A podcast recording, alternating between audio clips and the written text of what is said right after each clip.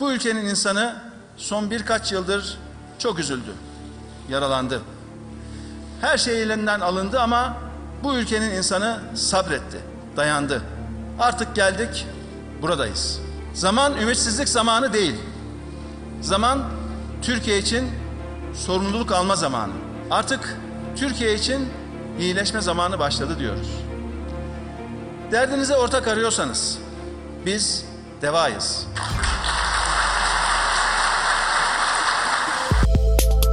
Bizi Kısa Dalga Net ve podcast platformlarından dinleyebilirsiniz.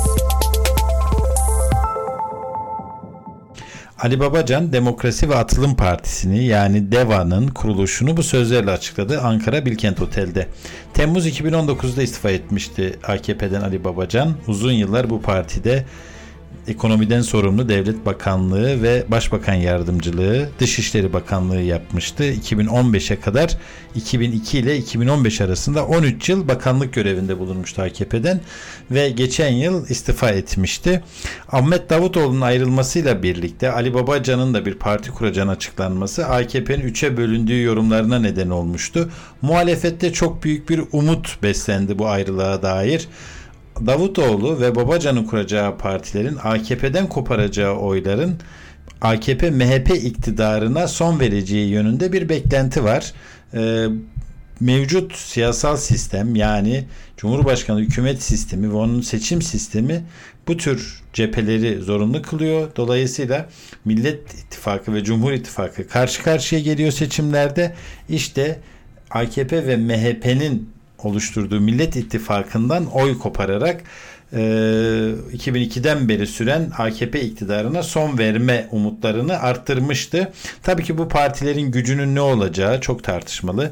Programları ve kadroları çok önemli bu açıdan. Ahmet Davutoğlu'nun Gelecek Partisi'nin beklenen büyük bir çıkış yaptığını söylememiz mümkün değil. Ama Ali Babacan'a bazı çevrelerin çok daha büyük umut bağladığını söyleyebiliriz. Özellikle ekonomi eksenli bir parti olacağı yani Ali Babacan'ın bakanlık yaptığı dönemdeki tırnak içindeki ekonomik başarılarını e, bir vizyon olarak e, kullanacağı ve bu yüzden ekonomik kriz endişesi içindeki seçmenden oy alacağı gibi bir beklenti var. Şimdi bunlara detaylarıyla bakacağız. Öncelikle bu kurucular kurulunda kimler var? Önce Artı Gerçek Ankara temsilcisi Sibel Hürtaş kurucular kurulunu şöyle anlatıyor. Ee, Ali Babacan'ın ekonomiye ilişkin e, programı önemli. Parti programının en fazla dikkat çeken taraf burası. E, Ali Babacan'ın kurucular kurulunda da bürokratlar AKP'nin ilk dönemindeki bürokratlar olması açısından dikkatimizi çekiyor. Zira AKP'nin iktidara geldiğindeki e, hazine müsteşarı ve hazine müsteşarı yardımcısı başta olmak üzere e, diğer ekonomi bürokratları bugün Ali Babacan'la beraber yeni yeniden yola çıkıyorlar. E, diğer anlamlarda da e, diplomatik anlamda da e, yine batıya yüzünü dönmüş e, diplomat kökenli siyasetçiler dikkatimizi çekiyor. E, üçüncü ayağında ise kurucular kurulunun AKP'li eski bakanlar ve eski milletvekilleri var. E, benim DEVA'nın e, kuruluş lansmanında hissettiğim üç ayaklı bir program vardı. İşte AKP'nin ilk dönem liberal ekonomi programı e, batıyı Türkiye yüzünü dönen bir diplomasi anlayışı ve e, bütün bunlarla beraber e, AKP'nin tabanını da muhafazakar taba, tabanı da kucaklayacak yeni bir demokrasi söylemini hissettim. T24 yazarı Murat Sabuncu'ya kulak verelim. O da DEVA'nın yani Demokrasi ve Atılım Partisi'nin kurucular kuruluna ilişkin şu değerlendirmeleri yapıyor. E, iki e, bölümde belki incelemek gerekir. Ee, kendisi çok uzun süre Türkiye'de ekonomiyi yönetmiş bir isim. Kısa bir süre Dışişleri Bakanlığı da var. Ve e, iddia odur ki e, Ali Babacan'ın e, ekonominin dümeninde olduğu zamanlarda Türkiye'nin ekonomisinin iyi ve sağlıklı gittiği söyleniyor. Tabii bu kısma kimi eleştiriler de var. O dünyada paranın bol olduğu bir dönemdi. Bundan yararlandı diyen de var. Kemal Derviş'in e, bıraktığı yerden IMF programı devam etti ve o yüzden başarılı oldu diyen de var ama Türkiye'nin e, özellikle 2013'lere kadar yani e, ağırlıklar bacanın ekonominin dümeninde olduğu zamanlarda daha rahat bir ekonomik düzlemde olduğunu bir çoğunluk paylaşıyor. Fakat tabii ülkenin geneli için politika üreten bir partinin lideri olduğunuz zaman başka şeylerde konuşmanız gerekiyor. Nitekim Babacan da e, Abdullah Gül'ün desteğiyle biraz da akıl hocası, hocalığı diyebiliriz. Kurduğu yeni partide Kürt sorunundan Alevilere, e, kültür sanattan dış politikaya kadar pek çok konuda kurucular kuruluyla beraber hazırladığı e, bir metni de kamuoyunun dikkatine sundu. Belki burada bu birkaç noktanın altı e, şöyle çizilebilir. E, öncelikli olarak e, Ali Babacan'ın çekirdek kadrosuna baktığımız zaman en yakınındaki isimler Sadullah Ergin, kendisi AKP'de uzun süre Adalet Bakanlığı yapmış bir isimdir. Nihat Ergün kendisi Sanayi Bakanlığı'nda da bulunmuş bir isimdir. Kurucular Kurulu'nda yer almasa bile son döneme kadar da Beşir Atalay yani AKP'nin aslında uzun süre sorumluluk üstlenmiş, Beşir Atalay özellikle Kürt sorununun çözülmesi e, çabaları sırasında AKP'nin hatırlayabiliriz. İsimlerden oluşan bir çekirdek kadro olduğunu görüyoruz. Evet 90 kişilik e, kadroda e, üçte bir gençler, kadınlar, yeni isimler var ama esas programı ortaya koyan isimlerin e, AK Parti'de, AKP'de daha evvel önemli sorumluluklar almış kişiler olduğunu görmek mümkün. Kurucular Kurulu'nda Beşir Atalay'ın olmaması sürpriz olarak algılandı. Çünkü Beşir Atalay Ali Babacan'la başından beri birlikte hareket ediyordu. Hem Beşir Atalay'ın Kurucular Kurulu'nda yer almaması hem de Abdullah Gül'e yakın bazı isimlerin beklendiğinin aksine Devan'ın e, kuruluşunda yer almaması Abdullah Gül ile Ali Babacan arasındaki ilişkilerde neler olduğu sorusuna yol açtı. Çünkü Abdullah Gül daha önce yaptığı açıklamalarda Ali Babacan'ın kuracağı partiye destek verdiğini deklare etmişti. Bu konuda Ali Babacan'ın Ruşen Çakır'ın Medyaskop'ta yaptığı söyleşide söyledikleri önemli. Ona kulak verelim. Ee, sağ olsun kendisi de çok destek verdi bizim bu çalışmalarımıza. Ee, gö- görüş paylaştı bizimle. Kendi tecrübelerini paylaştı. Bizim için çok kıymetliydi bu süreç içerisinde. Ama onun dışında insanlar ne bekliyordu, ne konuşuyordu, dışarıdan neler tartışıldı doğrusu bilemiyorum yani. Ama şunu ifade etmek lazım. Biz bir ekibiz, tek bir ekibiz. İşte 90 kişilik kurucumuz var. Ee, ama partimizin genel merkezi hani burada Ankara'da ve parti tamamen e, kendi resmi organlarıyla yürüyecek bir tüzel kişilik. Yani e, biz e, her şeyi yüzde yüz yasal ve kayıt içi yapıyoruz. E, görünür neyse gerçeği o. Yani görünürden görünürden başka da bir e, yapımız yok. Yani daha önce insanlar nasıl algılıyordu, şimdi ne görüyor açıkçası bilemiyorum yani. Ama bu parti, Deva Partisi ne görüyorsanız o. Başka da bir şey yok. Yani açıkladığımızdan başka bir ilişki şekli de yok. Ee, başka bir hani arkada bilinmeyen bir yapıda öyle böyle bir şey yok. Yani çok açık şeffaf bir yapı başlattık. Dolayısıyla görünenle gerçeğin aynı olduğu bir parti bu parti başka bir şey değil yani. Ali Babacan burada genel merkezin Ankara olduğu vurgusu yaparak aslında Abdullah Gül'ün parti üzerindeki vesayetini reddettiğini açıklamış oluyor. Tabi dediği gibi görünür ile gerçek arasındaki fark ne kadardır ya da görünür ile gerçek Babacan iddia ettiği gibi aynı mıdır bilemeyiz ama siyaseten Abdullah Gül vesayetinin olmaması ya da böyle görünmemesi Ali Babacan için elzem. Çünkü sonuçta Abdullah Gül önemli bir figür ve Abdullah Gül'ün perde arkasından partiyi yönet ya da partinin görünmez lideri olduğu yönündeki bir algı DEVA için çok ciddi bir güç kaybı olacaktı. Bir de biliyorsunuz Ali Babacan'ın partisi daha kurulmadan Abdullah Gül'ü Cumhurbaşkanı seçtirmek üzere kurulan bir parti olduğu yorumlarına neden olmuştu. Niye öyle? Çünkü mevcut Cumhurbaşkanı hükümet sistemine göre e, Recep, Recep Tayyip Erdoğan'ın karşısına çıkacak güçlü bir aday ancak kazanabilir.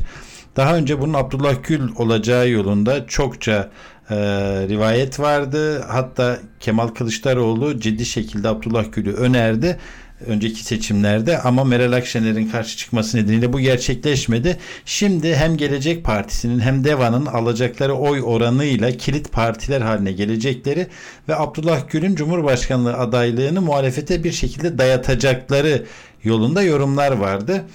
Ali Babacan Abdullah Gül'le olan ilişkilerini bu şekilde formüle ederek aslında Gül vesayetini partinin üzerinden çekmeye çalıştı.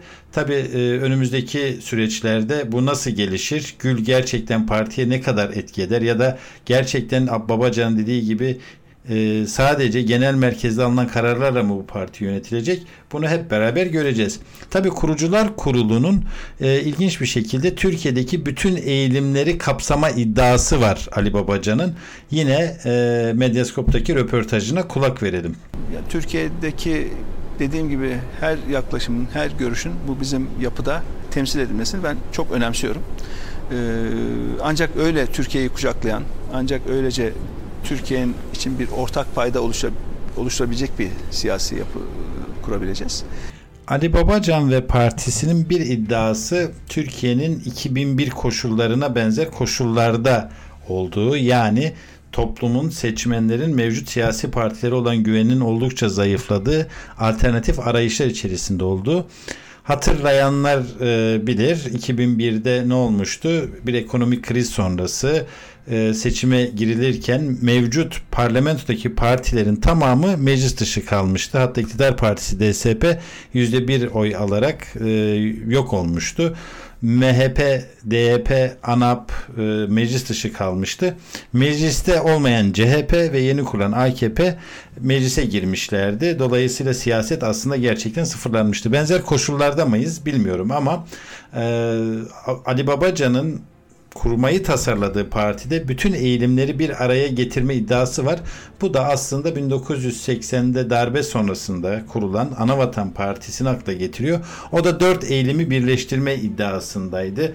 Yani liberal, muhafazakar, e, merkez ve sosyal demokrat eğilimleri birleştirme iddiasındaki bir partiydi ANAP.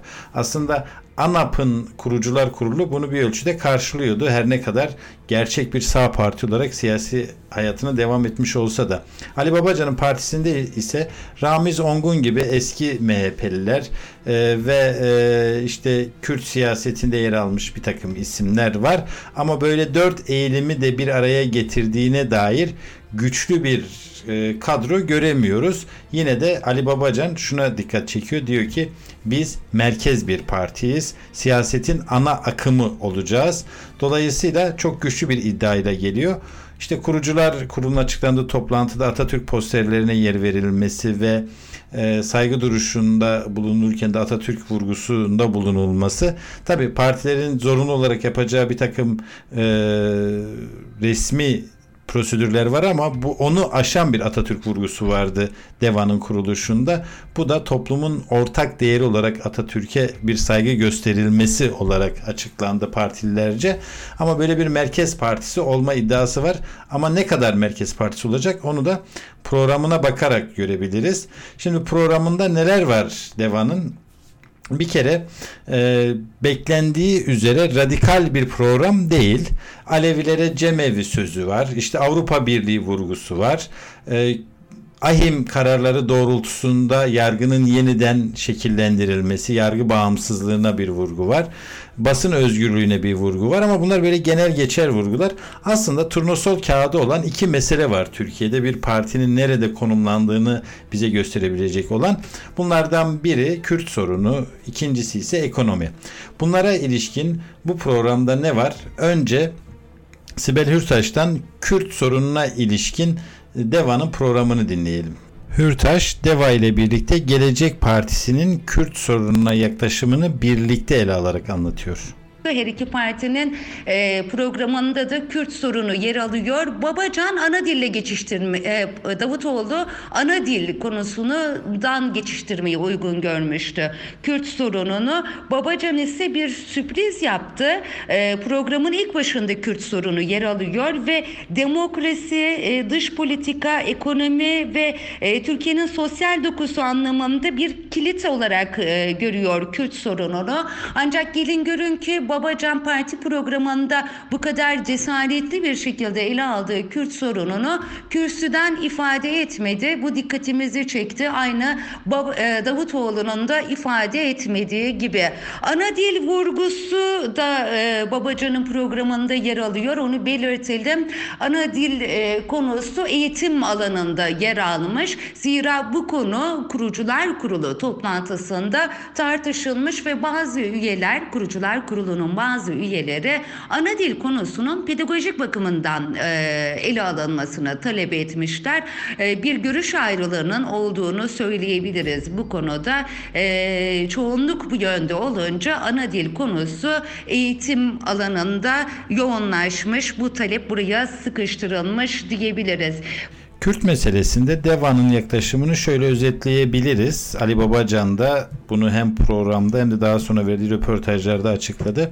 Kürt meselesi ile terör meselesini ayırıyoruz diyor Ali Babacan. Terörle sonuna kadar mücadele ama Kürt meselesinde de vatandaşların demokratik haklarına saygı hatta hakların verilmesi kavramını da karşı çıkıyor. Bu hakların tanınması noktasında bir politika geliştirdiklerini söylüyor.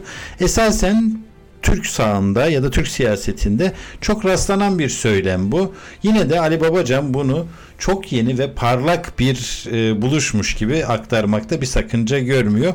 Ali Babacan'ın bu yaklaşımını dinleyelim. Biz işin terör boyutuyla kendi iç meselelerimizi tamamen ayırdık. Arada hiçbir ilgi yok. Biz terörle mücadelemizi sonuna kadar vereceğiz. Ama kendi insanımızın, kendi vatandaşlarımızın temel hak ve özgürlüklerini doğuştan gelen, insan olmaktan gelen haklarını ve onu aynen tanıyacağız. Bakın vereceğiz ifadesini ben kullanmaktan çekiniyorum çünkü vermek yani o üzerimize vazife değil. O zaten onun yani. Hani onu sadece tanımak ve öylece kabul etmek çok önemli. Tamamen ayrı. İkisini ayrı yürütüyoruz. Yani birbirine böyle ilişkilendirmek, sebep sonuç, karşılıklı pazarlık konusu falan bunlar çok çok yanlış. Yani şu geçmiş bütün tecrübeye de bakarak biz bu konuda kesin karar aldık.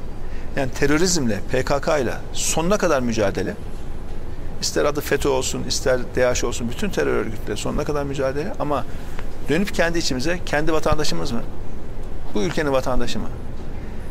Ne hak ediyorsa olduğu gibi o hakları tanımak, olduğu gibi kabul etmek. Yani yaklaşımımız bu. Tamamen farklı bir yaklaşım. Ya daha önceki AK Parti dönemi ya daha önceki dönemlerle mukayese edildiğinde e, öyle bir dönem pek olmadı. Yani Babacan çözüm sürecine kategorik olarak karşı çıkıyor. Hal böyle olunca Beşir Atalay'ın yani AKP hükümetleri döneminde çözüm sürecinde aktif rol almış Beşir Atalay'ın kurucular kurulunda olmaması da e, bir arada okunabilir diye düşünüyorum. Çünkü Beşir Atalay e, bu kurucular kurulunda olsaydı ve yine Ali Babacan bu fikri savunmuş olsaydı ortada Beşir Atalay'ın siyasi kariyeri açısından bir çelişki ortaya çıkacaktı. Bu netlik kazanmadı. Beşir Atalay'ın neden kurucular kurulunda yer almadığı e, ama Kürt sorunundaki bu yaklaşımın etkili olabileceğini düşünüyorum. Bir diğer mesele olan ekonomi meselesine ilişkin programa baktığımızda program ekonomiye çok geniş bir yer ayırıyor. Üçte biri neredeyse ekonomiyle ilgili. Ama Ali Babacan'ın ekonomik yaklaşımları zaten biliniyor. Yani 2002 ile 2015 arasında büyük ölçüde ekonomiyi yöneten kişiydi Ali Babacan. E, Tabi Derviş programını yürüttüğü ve o sırada dünyadaki ekonomik gidişatın da 2009 krizini bir kenarda tutarsak genelde olumlu olduğunu ve bundan istifade ettiğini söyleyenler de çok. Yani aslında Ali Babacan'ın ekonomi yönetiminin öyle dahiyane bir yönetim olmadığı da söyleniyor. Ama yine de dediğimiz gibi Ali Babacan'ın alameti farikası ve topluma sunduğu en büyük vaat ekonomiyi iyi yönetmek. Bunu da aslında programa baktığımızda AKP'nin genel yaklaşımından çok farklı değil. Ya da aslında Türkiye'de ne yazık ki hemen hemen bütün siyasi partilerin e, ya, e, temel yaklaşımı olan liberal ekonomik politikalardan ayrı bir şey önermiyor DEVA. Bu anlamda sadece bu liberal ekonomik politikaların daha rasyonel nasıl yürütüleceğine dair bir takım e, önerileri var. Dolayısıyla burada da Ali Babacan'ın partisinin kurucuları arasında da çokça kendi bakanlık döneminde birlikte çalıştığı hazine bürokratlarının olduğunu görüyoruz. Aslında bir tür teknokrat yönetimi öneriliyor ekonomiye dair. Buna da e, referans olarak Ali Babacan'ın ekonomiyi yönettiği yıllar gösteriliyor. Dolayısıyla burada aslında ekonomik açıdan topluma vaat edilen şey biz daha iyi yönetirizden ibaret. Bunun dışında öyle radikal bir ekonomik program ya da farklı bir ekonomik programla toplumun karşısına çıkmıyor DEVA. Ali Babacan'ın partisi için e, ve Ali Babacan'ın söylemleri için öne çıkan bir başka başlık da Cumhurbaşkanı Erdoğan'la karşı karşıya gelmeme gayreti. Yani o eleştirileri yönetirken çok genel aslında adını koymadan hatta AKP'yi dahi anmadan bir genel siyasal durum analiziyle yetiniliyor. Burada iktidarı karşısına almayan bir muhalefet tarzı söz konusu. Bu tabi ilginç. Yani Türkiye gibi e, Cumhurbaşkanlığı hükümet sistemine geçmiş tek adam yönetiminin baskın olduğu ve Erdoğan'ın e, geçmiş yıllar boyunca bütün yönetimi domine ettiği bir ortamda Erdoğan'ı karşısına almadan bir muhalefetin nasıl sürdürüleceği soru işaretlerine yol açıyor. Ali Babacan'ın buna verdiği yanıt şöyle. Ee, biz bizim kavgamız problemlerle, sorunlarla e, olacak. Ve biz bizim başlattığımız bu siyasi hareket siyasi yelpazenin tam ortasında ve ana akım bir siyasi hareket. Yani nasıl bir nehrin bir ana gövde, ana akımı olur. Bir de o nehre katılan yan kollar olur, çaylar olur, dereler olur. Bizimki öyle değil. Amacımız o değil. Yani bizim amacımız siyaset yelpazesinin tam ortasında ve ana akım bir siyasi hareket. Ana akım bir siyasi hareketin hiç kimseyle gerginleşme, kutuplaşma lüksü olamaz. Kulağınız bizde, kısa dalgada olsun. Haber podcastle buluştu. Kısa Dalga Podcast. Burada tabi akla e, mevcut siyasi ortamın Ali Babacan'ın da e, belirtmekten kaçamadığı baskı ortamının da etkisi olabileceğini düşünüyorum. Yani e, Cumhurbaşkanı Erdoğan'ı doğrudan karşısına alacak ve bu anlamda sert muhalefet yapacak bir partinin hedef olabileceği yönünde bir kaygı da olabilir. Nitekim Ali Babacan e, bazı kurucular kurulu üyelerinin son dakikada partiye girmekten vazgeçtiklerini e, ve mevcut siyasi iklim nedeniyle bunu anlayışla karşıladıklarını söylüyor. Hatta şunu diyor bizim kurucular kurulundaki kadın e, üye oranımız %30'lar civarında aslında bu %40 olacaktı ama son dakikada insanlar vazgeçti diyor. E, bu da e, Türkiye'de yeni kurulan bir siyasi partinin karşılaştığı güçlük olarak kayda geçmeli. Tabi Ali Babacan ve kadroları e, esasen AKP'li. Yani her ne kadar e, bağımsız isimlerden ya da MHP kökenli isimlerden e, kurucular kurulunda e, yer alanlar olsa da sonuçta AKP'den ayrılan bir grubun e, Ali Babacan önderliğinde bir parti kurduğunu söylemek yanlış olmaz. İyi de Ali Babacan 2002 ile 2015 arası bu iktidarın en önemli isimlerinden biriydi. Peki öz eleştiri meselesi. İşte bu öz eleştiri meselesinde Murat Sabuncu'nun söyledikleri çok önemli. Onu dinliyoruz.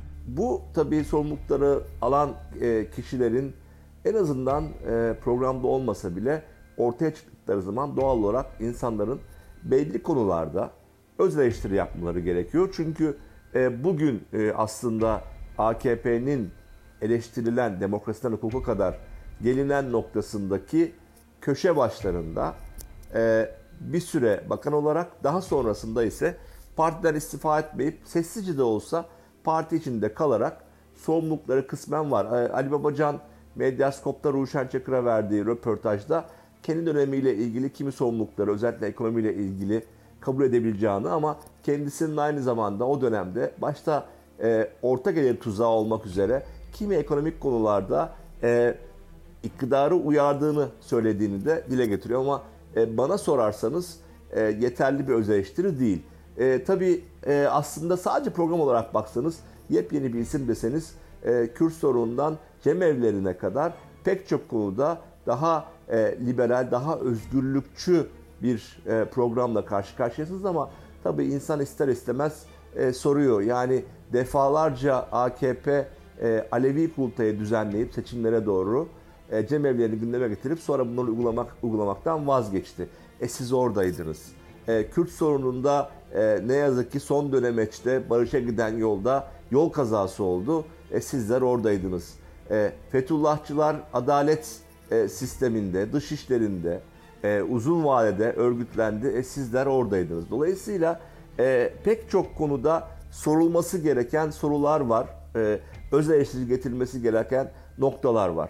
Peki ama Ali Babacan bu öz eleştiri meselelerine ne diyor? Yani 13 yıl iktidardaki partinin hem ekonomiden sorumlu devlet bakanlığı, başbakan yardımcılığı ve dışişleri bakanlığını, AB baş müzakereciliği görevini yürütmüş bir isim. Bütün o yıllara nasıl bakıyor? İşte o savunmayı dinleyelim. Ee, 2002 yılında ben bakan oldum. 2015 yılında bakanlık görevinden ayrıldım. Yani arada 13 yıllık bir bakanlık görevi var 2015'e kadar. O süre içerisinde hükümet ne yaptıysa ortak sorumluluğundan ben kaçamam onu. Yani hükümet, hükümetlerin ben içindeydim. Yani ortak sorumluluktan, sorumluluktan kaçamam. Ancak e, hükümetten ayrıldıktan sonra benim 4 yıllık bir sessizlik dönemim oldu biliyorsunuz. Tek bir tweet yok, tek bir açıklama yok. Geri çekildim ve tamamen artık siyasetten ayrılmanın bir ara dönemi olarak gördüm ben onu. Ve nihayetinde de e, tamamen ayrıldığım kısa bir dönemde yaşadım. Şimdi geçmişe dönüp bakacak olursak, yani ülkenin bugünkü yaşadığı sorunlarla ilgili, bu sorunların çoğuyla ilgili benim hep açıklamalarımı göreceksiniz. Yani bu öz eleştiriyi ben zamanında çok yaptım. Yani hükümetin içindeyken, partinin içindeyken yüksek sesle öz eleştiri yapan kaç kişi vardı bilmiyorum o günlerde. Yani o gün çıktım ben dedim bakın bugün konulardan bir tanesi biliyorsunuz bu orta gelir tuzağı. Çıktım dedim bakın yanlış yapıyoruz dedim. Yani hukuk devleti niteliği bozuluyor, eğitim sistemimiz kötü. Bunları düzeltmezsek Türkiye orta gelir tuzağına düşecek dedim. Bunu ta 2013'te yüksek gelir seviyesine çıktığımız günlerde söyledim. Eğer bunları düzeltmezsek burada tutunamayacağız, düşeceğiz dedim. Yani ben sistemin içindeyken de yüksek sesle eleştiriyordum zaten. Yani bu bir sürpriz değil. Ben sistemin içindeyken de siyasetten ayrılacağım diyordum. Ben bakanlıktan ayrılacağım. Süre bitince bu işleri bırakacağım diyordum. Kaç kere kaç kere açıklamam var. Yani eğer zamanında hiç söylememiş olsak ya da zamanında yanlış şeyleri destekleyici birkaç söz söylesek ya o evet ya yanlış bir şey ben savunmuşum diyebilirim. Ben söylediğim, konuştuğum her şeyin bugün arkasındayım.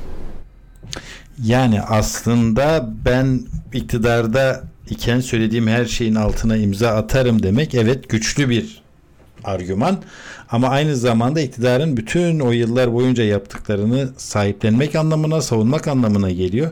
2015'e kadar AKP iktidarının e, pratiklerini göz önüne aldığımızda işte Sabuncu'nun da e, isabetli bir şekilde belirttiği üzere eleştiri ve öz eleştiri yapılacak çokça nokta var. Bu konuda Ali Babacan'ın toplumun karşısına güçlü bir argümanla çıkamadığını görüyoruz. Yani bir öz eleştiri yapmadan çıktığını görüyoruz. Ee, hele ki doğru bildiğim her şeyi söylemedim noktasında olması. Yani söylediklerim, söylediğim her şeyin altına bugün yine imzamı atarım ama her doğru bildiğimi de söylemedim demesi e, bir büyük zayıf nokta yaratıyor Ali Babacan'ın argümanları açısından. Esasen bu haliyle baktığımızda Ali Babacan'ın partisinin tıpkı Ahmet Davutoğlu'nun Gelecek Partisi'nde olduğu gibi güçlü bir zemin üzerinde siyaset sahnesine çıktığını pek söyleyemeyiz. Yıllar boyu iktidarda yıpranmış AKP'nin içinden çıkan hele biri başbakan, diğeri de ekonomiye yön veren ve işte hep söylediğimiz gibi 13 yıl ekonominin yönetimini elinde tutan bir bakanın kurduğu iki ayrı partinin daha güçlü argümanlarla ve daha büyük heyecan yaratarak toplumun karşısına çıkması beklenirdi. Burada tabi siyasal iklimin, baskıcı ortamın, medya e, ortamının yani muhaliflere e, kapalı medya ortamının da etkisi var. Ana akım medyada e, hiçbir şekilde görünmüyor bu isimler. E, dolayısıyla e, evet bu ortamında bir etkisi var ama argümanlarının da ben e, zayıf olduğunu düşünüyorum ve bu zayıflığın esas nedeni de güçlü öz eleştirel süreçlerden geçmeden ortaya çıkmaları ve Davutoğlu'nda bu çok daha bariz. Kişisel bir takım çekişmeler nedeniyle bu ayrılığın yaşandığı gibi bir algıyı topluma e, veriyor. Babacan'da biraz daha böyle ekonomi yönetimini ele alırım ve daha iyi yönetirim şey var ama Babacan'da da siyaset ayağı çok zayıf. Niye? Çünkü Babacan'ın kendisi zaten bir teknokrat bakan e, intiba veriyordu. Bakanlık yaptığı dönemde de. E, şimdi de kurduğu parti siyasetten kaçıyor bir biraz. Bunu Merkez Parti siyasetin ana damarı olma iddiasıyla ileri sürüyor Babacan ama e, Türkiye toplumunda e, siyaset yapmadan, siyasi argümanlar ileri sürmeden teknokrat bir söylemle e, oy alınması da çok güç. Dolayısıyla aslında Babacan'ın kuracağı partinin işlevinin ne olacağı konusunda soru işaretleri var. Bu konuda da Murat Sabuncu'nun cevabı şöyle. Ali Babacan bir umut olarak görülüyor. Ee, özellikle ekonominin hem Türkiye'de hem dünyada e, böyle bir e, kaosa ve türbülansa girdiği dönemde Ali Babacan'ın umut olabileceği düşünmek lazım. E, her şeyden önemlisi Ali Babacan parlamenter sisteme geri dönmesini isteyen bir lider daha olarak da düşünülebilir. Çünkü e, AKP ve MHP hariç CHP, İyi Parti, e, Davutoğlu ve Babacan'ın partileri de e, tekrardan parlamenter sisteme dönülmesini, yeniden parlamenter sistemin tabii onlara göre kimi eksikleri var. Onların ihya edilerek tekrar e, dönülmesini istiyorlar. Dolayısıyla eğer önümüzdeki seçimler bloklar halinde geçecekse, bu sistem devam edecekse Cumhurbaşkanlığı hükümet sistemi, Ali Babacan'ı da parlamenter sisteme dönülsün diyen partiler arasındaki yeni bir hat olarak da görmek mümkün olabilir. Aslında başından beri konuştuğumuz Ali Babacan ismi ilginç bir isim. Başa dönelim. Kimdir Ali Babacan? Onu biraz konuşalım. Ali Babacan 1967 doğumlu, 35 yaşında AKP'de bakanlık koltuğuna oturan bir isim. Halası e, Hatice Babacan başörtüsü mücadelesinin simge isimlerinden biri ve Ali Babacan da muhafazakar ve İslamcı bir ailede yetişmiş ama farklı türde bir eğitim almış. TED Ankara Koleji'ni bitirmiş. Daha sonra ODTÜ Endüstri Mühendisliği bölümünden birincilikle mezun olmuş. Amerika'da Fulbright bursuyla yüksek lisans yapmış, okumuş ve iki yılda Amerika'da danışmanlık şirketlerinde çalışmış. Sonra da dönmüş Türkiye'de ticaret hayatına devam etmiş bir isim. Yani bu profilde yani İslamcı köklerden geliyor ama Batı eğitimi almış. E, parti kurarken de hep Batı desteği söz konusu. İşte programında yüzü AB'ye dönük, NATO'ya dönük, ekonomi yönetimi açısından yine Batı'nın tercih edeceği bir isim olduğu söyleniyor. Ama Ali Babacan siyaset üretemiyor. E, demin de değindiğim üzere bir teknokrat kabine öneriyor gibi bir teknokrat siyasi parti önerisi var. E, Merkez Parti olma iddiası bunu e, perçinliyor söyleminde ama bu haliyle e, AKP'nin parlak çocuğunun muhafazakar tabandan ne kadar oy alacağı çok tartışmalı. Çok çeşitli oy tahminleri yapılıyor. Ee, güçlü bir parti olup olmayacağı konusu da yine çok tartışmalı. İlk izlenimler hem Gelecek Partisi hem Babacan'ın partisi için kamuoyu araştırmalarının da e, tasdiklediği, teyit ettiği izlenimler yüzde ikilerde, üçlerde gezinen partiler olacağı yönünde. Son olarak Murat Sabuncu'ya dönelim. Ali Babacan umut olabilir mi diye soralım. Onu bilmiyorum ama e, ilk görülen o ki e, Babacan en azından Abdullah Gül'ün e, etkisinin dışında e, ben yeni, tek, kimsesinde kalmayan bir liderim. Türkiye'yi parlamenter sisteme geçirmek istiyorum. E, farklı bir dil kullanacağım. Birebir isimleri hedef almayacağım. E, muhalefetin ve her sesin, her rengin burada ta- temsil edilmesini istiyorum diyerek de e, kimilerine umut vermiş olabilir. Zor soruda yeni siyasi parti DEVA'yı masaya yatırdık. Gelecek hafta güncel gelişmelerle yine birlikte olacağız. Görüşmek üzere. Haber podcastle buluştu. Kısa Dalga yayında. Bizi Kısa Dalga Net ve podcast platformlarından dinleyebilirsiniz.